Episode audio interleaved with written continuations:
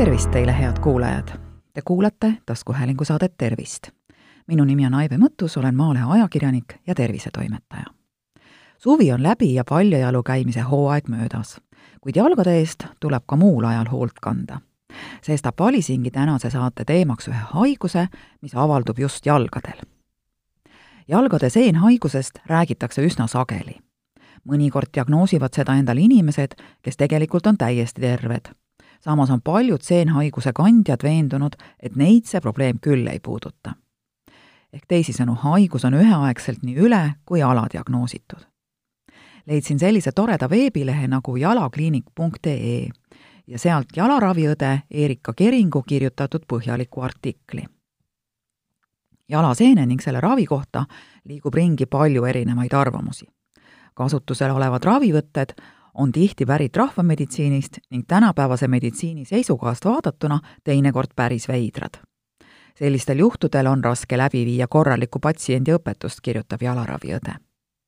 et aga teaduspõhine ravi toimiks, on oluline patsiendi informeerimine, motiveerimine ning ravi ja iseravimise toetamine. ja see ongi jalaraviõe ülesanne tihtipeale peetakse kõiki paksenenud küüsi seenhaigusega nakatunuks. kuid erinevalt vananedes õhukesteks ja rabedateks muutuvatest sõrmeküüntest, muutuvad varbaküüned hoopis paksemaks ja tugevamaks ning võivad ka deformeeruda. üheks põhjuseks on see, et vananedes võib küüneplaadi normaalne horisontaalne kasvusuund asenduda vertikaalsega küünemud, küüned muudkui kasvavad ja paksenevad, sest tihtipeale on vanematel inimestel raskusi enesehooldusega ning ka küünte lõikamise viilimisega. sellisel juhul oleks hea pöörduda jalaravispetsialisti poole. et nahahaigusest aru saada, peab teadma, milline näeb välja terve nahk ning mis on selle ülesanne. no nagu te kõik kindlasti teate, on nahk meie suurim organ täiskasvanud inimese nahk võib moodustada umbes kuusteist protsenti keha üldmassist selle paksus on erinevates kehapiirkondades erinev ning sõltub funktsioonist. silmalaunaha paksus võib olla näiteks pool millimeetrit, aga jalatallal võib see ulatuda kolme-nelja millimeetrini. naha põhiline ülesanne on kaitsta organismi väliskeskkonna eest, aga ta on tegev ka termoregulatsioonis, tundlikkuses, D-vitamiini sünteesis. küüned on samuti nahaosad küünte põhiline ülesanne on kaitsta sõrme ja varba otsi. nahal on lisaks füsioloogilistele faktoritele tähtis roll ka psühholoogilise hea, heaolu juures. sest nahk on äärmiselt nähtav, sellel on kosmeetiline, esteetiline ning kultuuriline tähtsus. nahal on omadus muutuda välisteguritest tingitud stressorite mõjul paksemaks kui aga stressoreid nagu surve või liigne kuumus on liiga palju ja nende toime ajaliselt pikk, siis saab naha loomulik barjäär kahjustatud. kui normaalne tasakaal on häiritud, on nahk vastuvõtlikum väljastpoolt tulevatele mõjutajatele, teiste hulgas ka seennakkusele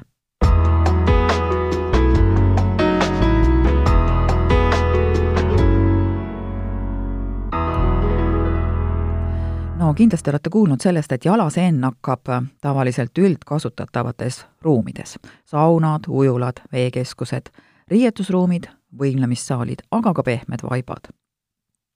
seened on tegelikult kõikjal meie ümber, meie enda kodus põrandal, sõbra juures saunas, rannaliival.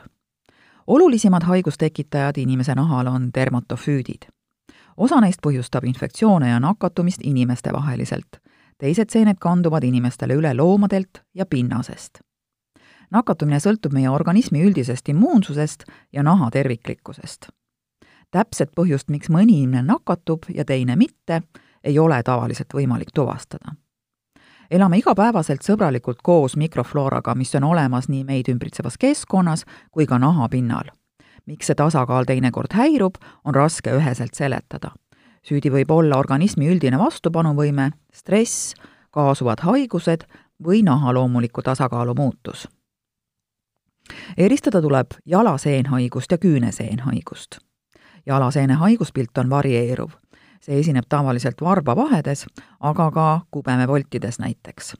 seen võib esineda vähese ketendusena välimises varbavahes, sageli ka järgmises, kuid mitte mujal. nahk on seal siis punetav, matsereerunud ehk haudunud välimusega, ketendav ja nakatunud ala servades võib näha ville. haaratud võib olla ka tallaalune ja jalatalla küljed. iseloomulik on perioodiline sügelus. Küüneseenhaiguse esineb harilikult varbaküüntel, sageli vaid mõnel üksikul küünel. küüned on siin paksud, kollaka värvusega, võivad olla pragunenud või irdunud. mõnikord on küüneseenhaigus ka jalataldadel ja varbavahedes kuigi jalaseene olemasolu näitab tihtipeale kliiniline pilt, mille alusel paljud nahaarstid ravi määravad, saab haigust kindlalt diagnoosida ning kinnitada ainult hoolikalt läbi viidud laboratoorse müko-, mükootilise uuringuga. selleks võetakse nahalt ja küünelt spetsiaalsel meetodil proovitükk, mis saadetakse steriilses katseklaasis uurimisele. vastuse saamise kiirus sõltub uuringust otsese mikroskopeerimise tulemused saab teada ruttu, aga seenekülvi vastused saadakse tavaliselt umbes kuu aja pärast. proovivastuste tõlgendamisel ollakse tihti ettevaatlikud, kuna need võivad olla nii vale negatiivsed kui vale positiivsed. Ja põhjuseid selleks on mitmeid, aga põhiline raskus seisneb selles, et enne proovi võtmist peab olema suukaudne seeneravi lõpetatud kaks kuud ja paikne kaks nädalat varem. seda proovi võtmisel tihtipeale aga ei arvestata ravi alustades on vaja meeles pidada, et see on mitme erialaspetsialisti ja patsiendi koostöö. eesmärk on eelkõige kergendada patsiendi vaevusi ning nagu igasugune ravi, ei tohi ka see rohkem kahju tekitada. Väga oluline on seenhaiguse puhul ravi järjepidevus. ravi tegelik kestus sõltub nii ravitavast piirkonnast kui ka kasutatavast ravimist. tihtipeale kurdavad inimesed, et ravi ei mõjunud, aga küsimusele, kui kaua see siis kestis, vastatakse kaks kuud. no nahaseeneravi võibki olla lühiajalisem, aga näiteks küüneseeneravi peab pestma sama kaua, kui palju kulub aega küüneplaadi täielikuks väljakasvamiseks. ning arvestage seejuures, et keskmiselt kasvab küüs üks millimeeter kuus. kõige esimeseks ravivõtteks tuleb pidada isikliku hügieeni järgimist. ravi aluseks on nii naha kui rõivastuse puhtus, samuti kodu üldine puhtus üldjuhul soovitatakse kasutada puuviljasokke. Kui aga tegemist on higistavate või külmetavate jalgadega, siis on teinekord just sünteetilise lisandiga sokid esmavalik. Nendest aurustub liigne niiskus kiiremini ja sokid ning jalad ei ole niisked ega külmeta. sokke peab vahetama sagedasti ja pesema vähemalt kuuekümnekraadises vees. see pidage küll meeles. riiete ja sokkide pesemisel pesumasinaga tuleks pesta vähemat kogust korraga see on nii pesemise kui ka loputamise seisukohast tõhusam. Pesta võib tavalise pesuvahendiga ja doseerimisel tuleb järgida juhendeid. võib muide kasutada ka antibakteriaalseid pesuvahendeid või lisada spetsiaalseid desinfitseerivaid aineid. ei tohi unustada, et jalanõusid tuleks ka desinfitseerida, pihustades neisse spetsiaalse seenevastase toimega tooteid kuna jalandusest tekib kandmisel soojus ja niiskus, mis soodustavad seennakkuse levikut, tuleks ühtesid ja samu jalatseid võimalusel kanda mitte mitu päeva järjest, vaid siis vahetada, et nad saaksid loomulikul teel kuivada. võimalusel tuleks vahetada ka sisetaldu, et mitte soodustada mananakkuse uut puhangut. jalanõu peaks olema õige suurusega ega tohiks nahale ja küüntele survet avaldada sest kitsas jalanõus tekib äh, samuti liigne soojus, mis soodustab infektsiooni levikut. naha pesemine vähendab nahapinnal elutsevate mikroobide arvukust ja infektsiooni ohtu. Eesmärk on eemal-, eemaldada mustus ja surnud naharakud. samas viiakse pesemise käigus nahapinnalt ära ka seda kaitsevad rasvad ning nahk võib muutuda kuivaks vee kuivatava toime vähendamiseks soovitatakse lühiajalisi pesemiskordi leige veega, mitte siis kuuma veega saunas võib käia, kui naha seisukord selle järel ei muutu. jalgu pestakse iga päev ja kuivatatakse hoolikalt ning erilist tähelepanu tuleb kuivatamisel pöörata varbavahedele.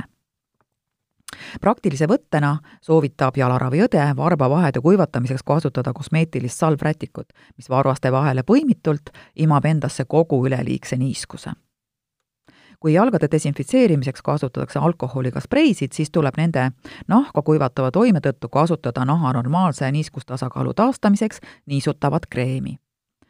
viimasel ajal on oma heade niisutavate omaduste seenevastase toime ja kerge imendumise tõttu populaarsed vahtkreemid.